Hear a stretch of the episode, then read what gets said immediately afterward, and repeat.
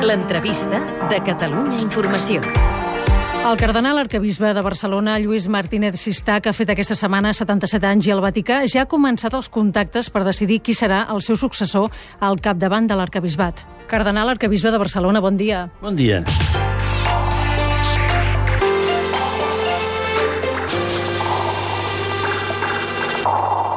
Seria un bon successor el cardenal Antonio Cañizares? Són suposicions i, per tant, ens hem de quedar purament al camp de les suposicions, no hi ha res fet. Això és molt important de pensar que el treball d'una diòcesi, com el treball de qualsevol institució, és capdalt. I tenim treballs molt importants. Tenim el pla pastoral, que va començar el 2011 i acabarà el 2015. Encara no hi hem arribat al 2015, eh? Bé, escolti'm, suposicions. De fet, l'Església Plural ja ha fet un manifest on manifesta el seu rebuig frontal a un possible nomenament del cardenal Cañizares com a arcabisbe de Barcelona. Diuen que representa tot allò oposat al que, el que significa per la majoria de catòlics de Catalunya i el rebuig que suscitaria, diuen, la societat catalana, més enllà del món catòlic, seria molt gran, perjudicaria greument el prestigi de l'Església catalana. Està d'acord amb el que diuen des de l'Església Plural? El repeteixo que són suposicions i torno a repetir perquè em sembla que és molt important que el que hem de fer és treballar. Miri, qualsevol institució el que ha de fer és realitzar el seu treball, la seva tasca. Home, escolti'm, eh, hi ha tanta feina a fer, hi ha tanta necessitat d'evangelització. L'aigua s'esmuny per molts cantons.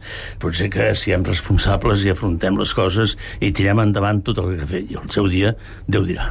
A vostè li agradaria poder continuar com a arcabisbe un temps més? Bueno, és que, escolti'm, això eh, és una cosa que es va fer en el Consell Vaticà II, i bé, als 75 anys presenten, els rectors de Barcelona també presenten la seva carta, però eh, si estan bé, duren i duren i duren. Perquè, escolti'm, si estan bé, duren. Quin perfil hauria de tenir el seu successor? No hi he pensat. Estic molt ocupat amb els treballs de cada dia i, repeteixo, ara toca això. Algú que conegui bé Catalunya, la realitat catalana? Miri, escolti, no vull entrar en aquesta qüestió perquè em sembla que tot això no ajuda gens. Perquè això ens distreu, ara s'ha de treballar amb el pla pastoral que tenim i potser que aquesta ja és la, la última, com última resposta. No? Per acabar aquest tema i el tanquem, sí que han sortit uns noms com a possibles successors en aquest Són debat. Són suposicions, i llavors tothom pot fer les seves quinieles. Què va passar amb el papa? Què va passar? Jo estava al conclave, no? Eh? I què deia els mitjans de comunicació? Qui fa el papa? Els mitjans de comunicació o el fa els cardenals amb l'Esperit Sant, que ajuda, assisteix, i la pregària de tota l'Església. Bueno, doncs, escolti'm, es poden fer totes les canieles que vostè vulgui, però totes les travesses que, que es vulgui. Però això, doncs, bueno, són travesses i res més que travesses. Per tant, no perdem el temps. I quin llegat deixarà vostè al seu successor? Això ho dirà la història. Escolti'm, jo treballo, faig tot el bé que, que puc i, i, amb totes les meves limitacions i també algunes coses que no encerto. Ara intento de fer les coses seguir una miqueta el cardenal Jovany, que sempre deia no feu pecats originals, perquè vostè sap que el pecat original es va perdonar, però queden conseqüències. Llavors, si un fa una cosa mal feta, es pot arreglar, però arreglar al 100% no s'arreglarà. Per tant, intento no fer aquests pecats originals perquè deixar les coses ben fetes, fer les coses ben fetes, havia efecte de que vagi tot molt millor, que em sembla que és això. Penso que l'estadiosi està en bon clima, en bon treball, treballa, el pla pastoral s'està aplicant, bueno, jo penso estic content de, de, de, de, de, de com funcionen les coses. Diumenge passat van canonitzar dos papes, sí. eh, Joan Pau II i Joan XXIII. Sí. Tots dos van ser a Barcelona i també a Montserrat. Exacte. Exacte, abans de Barcelona, eh, fixi's, aquí hi ha una cosa molt curiosa. Gaudí deia que el de Família tot és providencial. Quan jo vaig convidar el papa Benet XVI, i em va dir que sí, amb el secretari d'Estat vam buscar el dia. I em deia el mes de maig, massa a prop, el mes de juny, a final de juny, els estudis dels universitaris no hi voluntaris. El mes de novembre, sí, hi ha més temps, era l'última opció, eh, però el fred, la pluja... Bé, el novembre. I em va dir, 7 de novembre, diumenge. Jo era vicari general de Barcelona 1982, però no ho vaig recordar en aquell moment. 7 de novembre, diumenge, Joan Pau II, ara Sant Joan Pau II, va visitar la Sagrada Família. També és veritat, quines casualitats que hi ha, no? Tot és providencial, deia, deia Gaudí. Sí, els dos van visitar Barcelona. Barcelona és una ciutat molt visitada, és una ciutat molt estimada, és una ciutat important en l'Església i en el món, jo penso que això a vegades no ens en donem compte, però jo quan surto i parlo amb cardenals, ara bé, la Sagrada Família, que la tenen molt present, i el Barça també, eh? el Barça també, però la Sagrada Família bueno, Diversona és Diversona, eh? Diversona és Diversona. Doncs d'aquí uns dies, precisament, Barcelona acollirà el Congrés Internacional sobre la Pastoral a les grans ciutats, concretament del 20 al 22 de maig, Què n'ha de sortir d'aquest congrés? Miri, el 20 22 de maig serà una primera etapa, de, una primera fase d'aquest congrés, que vindran sociòlegs, pastoralistes i teòlegs de tot el món, perquè és un congrés internacional de veritat. I el mes de novembre, segona etapa del Congrés 24, 25 i 26 ens reunim aquí a Barcelona per reflexionar, per debatre, per posar en comú aspectes com a pastors que som d'aquestes ciutats del que ens han dit els tècnics. I estaran les conclusions, llavors, sí, al novembre. llavors hem d'elaborar unes conclusions. No hi estem obligats, però intentarem, no? Perquè després cadascú suporta la seva diòcesis i en faci l'ús en tots els seus col·laboradors de lo que pot posar en pràctica. Però el dia 26 a la tarda, si Déu vol, agafarem tots un avió, tots aquests pastors, i ens anirem a Roma. I el papa ja m'ha concedit una audiència pel dia 27. El papa està molt interessat en això. També tenen una cita important a l'octubre. Se celebrarà al Vaticà Sí. el sínode de la família. Sí. En aquest marc, han fet qüestionaris en algunes parròquies i de les respostes es desprèn que l'Església hauria de ser més flexible en el cas dels divorciats o les parelles de fet, per exemple. Què en pensa? Eh, jo li dic el que jo penso. Molt bé, doncs, miri, jo vaig tenir una intervenció en el consistori que vaig dir, vaig dividir la meva intervenció en dos, en dos apartats. El primer apartat era dir, formem els adolescents i joves, donem-los la formació deguda, humana, eh, cristiana, afectiva, eh, etc, perquè quan, quan, quan celebrin el matrimoni, aquest matrimoni duri per tota la vida. És a dir, lo important és que s'estimin, que facin una íntima comunitat de vida i amor, i per sempre, tant per ells, perquè, perquè siguin més feliços, com també i sobretot pels fills. Això és el primer, perquè eh, l'altre, i els divorciats, sí, esclar, tenim un problema. Si hi ha menys separats i menys divorciats, tindrem menys problema, també. Els hi servirà i després no redundarà en un problema. Llavors, sí, l'Església està plantejant aquest, aquesta qüestió perquè això ha augmentat moltíssim i es, crea, es creen uns problemes, sobretot de cara a, amb alguns aspectes de la pràctica religiosa, sobretot la confessió i la comunió. Bé, eh, ja va ser Sant Joan Pau II, quan no era sant, o sigui, quan encara no acaba declarat sant, amb un document sobre la família, té un número, unes quantes paginetes d'aquest document, en la qual diu que els divorciats i tornats a casar no estan excomunicats de l'Església. Poden fer moltes coses en la vida cristiana, poden fer moltes coses en l'educació cristiana dels fills, poden participar en moltes coses de la parròquia, poden fer moltes coses en l'ajuda fraterna. Sí que hi ha aquesta limitació d'això, de la, de, la, de, la, de, la, de la confessió i de la comunió, per la situació en què es troben, però l'Església ara doncs, està veient aquest problema. I volent donar el rostre misericordiós, però sempre amb fidelitat a Jesucrist, perquè, és clar, fidelitat a l'Evangeli, tampoc el podem transformar l'Evangeli, amb l'ajut de l'Esperit Sant, l'ajut d'aquests pares sinodals, del sino del 14 i del 15, els cardenals també vam dir bastantes coses, a veure, a veure on ens portarà l'Esperit, cap on ens portarà. Una altra qüestió, des de mitjans de març, Antonio María Rocco Varela ja no és president de la Conferència Episcopal Espanyola. Creu que el nou president, Ricardo Blázquez, marcarà un canvi de tendència i estarà més en aquesta línia del papa Francesc? Miri, des del punt de vista del que toca la conferència, que toca coses, a vegades fins a la cosa mediàtica, de que parla un bisbe, que és el president primus inter pares, el primer igual que els altres, però bé, és el president, però després cada bisbe a la seva diòcesi és això, no pot entrar ni el president ni, ni el bisbe del veí pot entrar en una diòcesi veïna, això és molt important. Doncs llavors sí, marcarà, perquè són diferents, tarannà diferent, eh, certament. Però eh, amb el que es cou i es viu i es treballa en cada diòcesis, això depèn de cada bisbe diocesà en tota la seva diòcesis. Jo penso que sí que hi haurà, com es notaran canvis, sí, perquè són tarannats diferents. I una miqueta ja va ser president, per altra part, eh, va estar tres anys de president.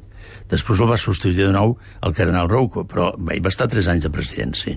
Jo penso que eh, és un home temperament molt eh, dialogant, molt, molt acollidor de les opinions, eh, eh, una persona moderada, una persona, doncs, ponderada, una persona prudent també, etc. I, I el vicepresident, que és el de, el de València, potser és una miqueta més dinàmic, llavors eh, ell potser és més reflexiu, l'altre és més dinàmic, i això és un complement.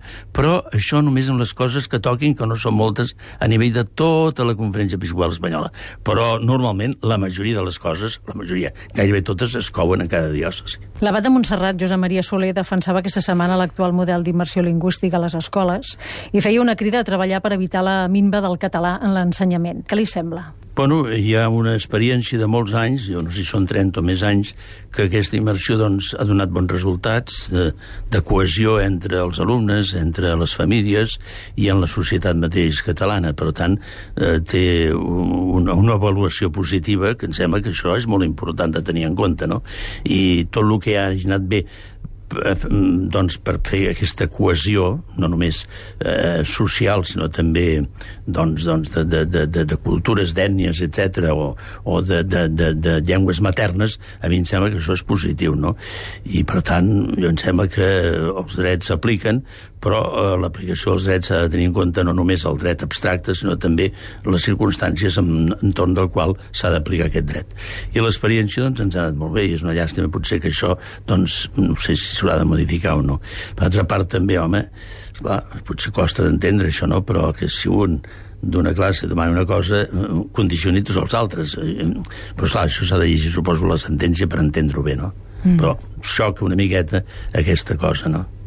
Què li semblen iniciatives com la del Barcelona World, que creen llocs de treball però que també fomenten el joc? Jo crec que s'ha de trobar un equilibri aquí, no? Esclar, s'ha de trobar un equilibri. Eh, el joc no és bo, el joc fa molt de mal. Sí, també hi ha alcohol en els bars, i n'hi ha molts, si estan oberts. Els hauríem de tancar tots, perquè també fomenta, pot fomentar una addicció. Penso que sempre es tracta de la formació de les persones perquè, esclar, en una societat no tot es pot regular d'una altra manera, eh? però, esclar, eh, llibertat s'ha de deixar, perquè no pots, per evitar coses, no pots treure la llibertat. Però hem de formar. Ara, formem els, els, els, els infants, adolescents i joves en els programes de formació i d'educació a nivell de societat, no entro amb les famílies que fan tot el que poden, i les escoles també fan tot el que poden.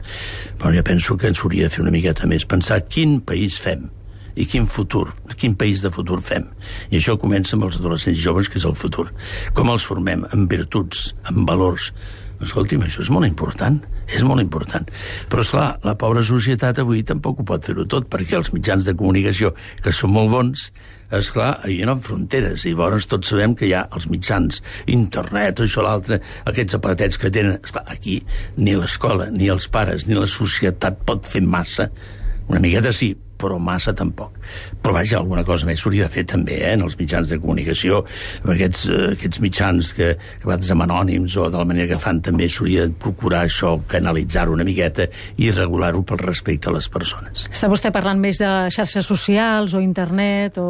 Sí, bueno, tots aquests mitjans que, esclar, els infants els tenen, no? I estan... Penso que tot és bo, però tot s'ha de regular bé i això no és fàcil en una societat, però almenys tenir la consciència, ara el papa, amb motiu de la Jornada Mundial dels Mitjans de Comunicació Social, parla precisament de fer-los més humans, de la, la dimensió de la tendresa, de, de, de, de la humanitat, de que ajudin, doncs, jo deia, per exemple, en el, en el Center, World Center, eh, i després també en el Congrés que hi va haver-hi, vaig tenir una petita ponència, en un lloc i en un altre els deia, bé, eh, l'Església, per exemple, té moltes coses per comunicar, i aquests mitjans tenen necessitat de comunicar. Bé, jo penso que hi ha institucions que podem oferir uns valors i, i uns elements que ajudin a la humanització de les persones, que es tinguin en compte, i, i, i que ajudem a donar llum, i no fum, perquè a vegades per super, superficialitat es dona més fum que llum, que llum, i això tampoc va bé. És complex, eh? Mm però penso que és necessari aquesta, una certa altura eh? Per part de tots, dels responsables dels mitjans, per part dels formadors perquè ens es formin i ajudin a formar-se per escoltar els mitjans, que això també és important, i fer-ne un bon ús dels mitjans, perquè eh, en si no és ni bon ni dolent, però depèn de l'ús que en facis, com moltes coses en la vida, no? L'agressió Pere Navarro davant la catedral de Terrassa ha creat molta polèmica per la suposada crispació que viu la societat catalana. Vostè percep aquesta crispació? Jo penso que no, penso que no, no, no ni les famílies ni la societat com a tal, potser els ambients polítics és una miqueta, però això no deu ser una cosa nova perquè en els ambients polítics per qualsevol cosa, doncs, lògicament hi ha aquesta, aquesta lluita política, a vegades doncs, positiva, a vegades doncs, negativa, però no en les famílies i no en la societat. No. Penso que hi ha una maduresa en la societat catalana i tingui en compte que el 70% de la societat catalana són de procedència de fora de Catalunya i s'ha cohesionat. Això em sembla que cal posar en un relleu. I creu vostè que els catalans han de poder decidir el seu futur en una consulta?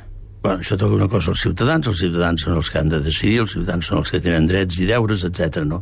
Però jo volia dir també que en aquesta cohesió de la societat penso que l'Església també hi ha tingut un paper important i jo estic pensant en la immigració primera, és a dir, quan nosaltres estem aquí la vam viure, vostè és molt jove i potser no la va viure, però vaja, no aquesta última que hem tingut, sinó la d'abans, que venien fonamentalment del centre i del sud d'Espanya, escolti'm, l'Església, els capellans, ens vam volcar totalment als, a la, a, on es posaven la, la, les barraquetes on vivien, eh, els barris nous que es construïen als suburbis, i allà vam fer un treball humà, d'humanització, cristià, cristianització, i jo diria que va ser pues, l'única institució que va aglutinar aquelles persones, perquè la parròquia era l'única institució, no hi havia més institucions. A la parròquia i escola, vam fer dues escoles, eh? Vam fer parròquia i escola. I jo recordo que van anar de Tarragona em deien, voldríem, encara conservaven aquell, aquell local, que era un magatzem d'església, i em van dir, quan jo estava a Tarragona, que home, voldríem doncs una església com les altres. Dic, sí, sí, teniu tot el dret i ho farem i ho intentarem. Ara, gràcies a que el rector que va venir aquí a fer les dues coses va fer una escola, vosaltres veu promocionar. I les vostres barraquetes les veu tirar a terra i teniu un apartament de la vostra casa l'heu arreglat, però i de la casa de Déu us n'hem recordat? Que també les coses han d'anar repartides, no? Però bé. I creu que una hipotètica Catalunya independent seria reconeguda pel Vaticà? Miri, escolta'm, això s'ha de preguntar al Vaticà, però vull dir, no, són qüestions ara que interessin immediatament, no? Cardenal Arquebisbe de Barcelona, Lluís Martínez Sistac, moltes gràcies per atendre la trucada de Catalunya Informació. Bon dia. Bon dia. Moltes gràcies.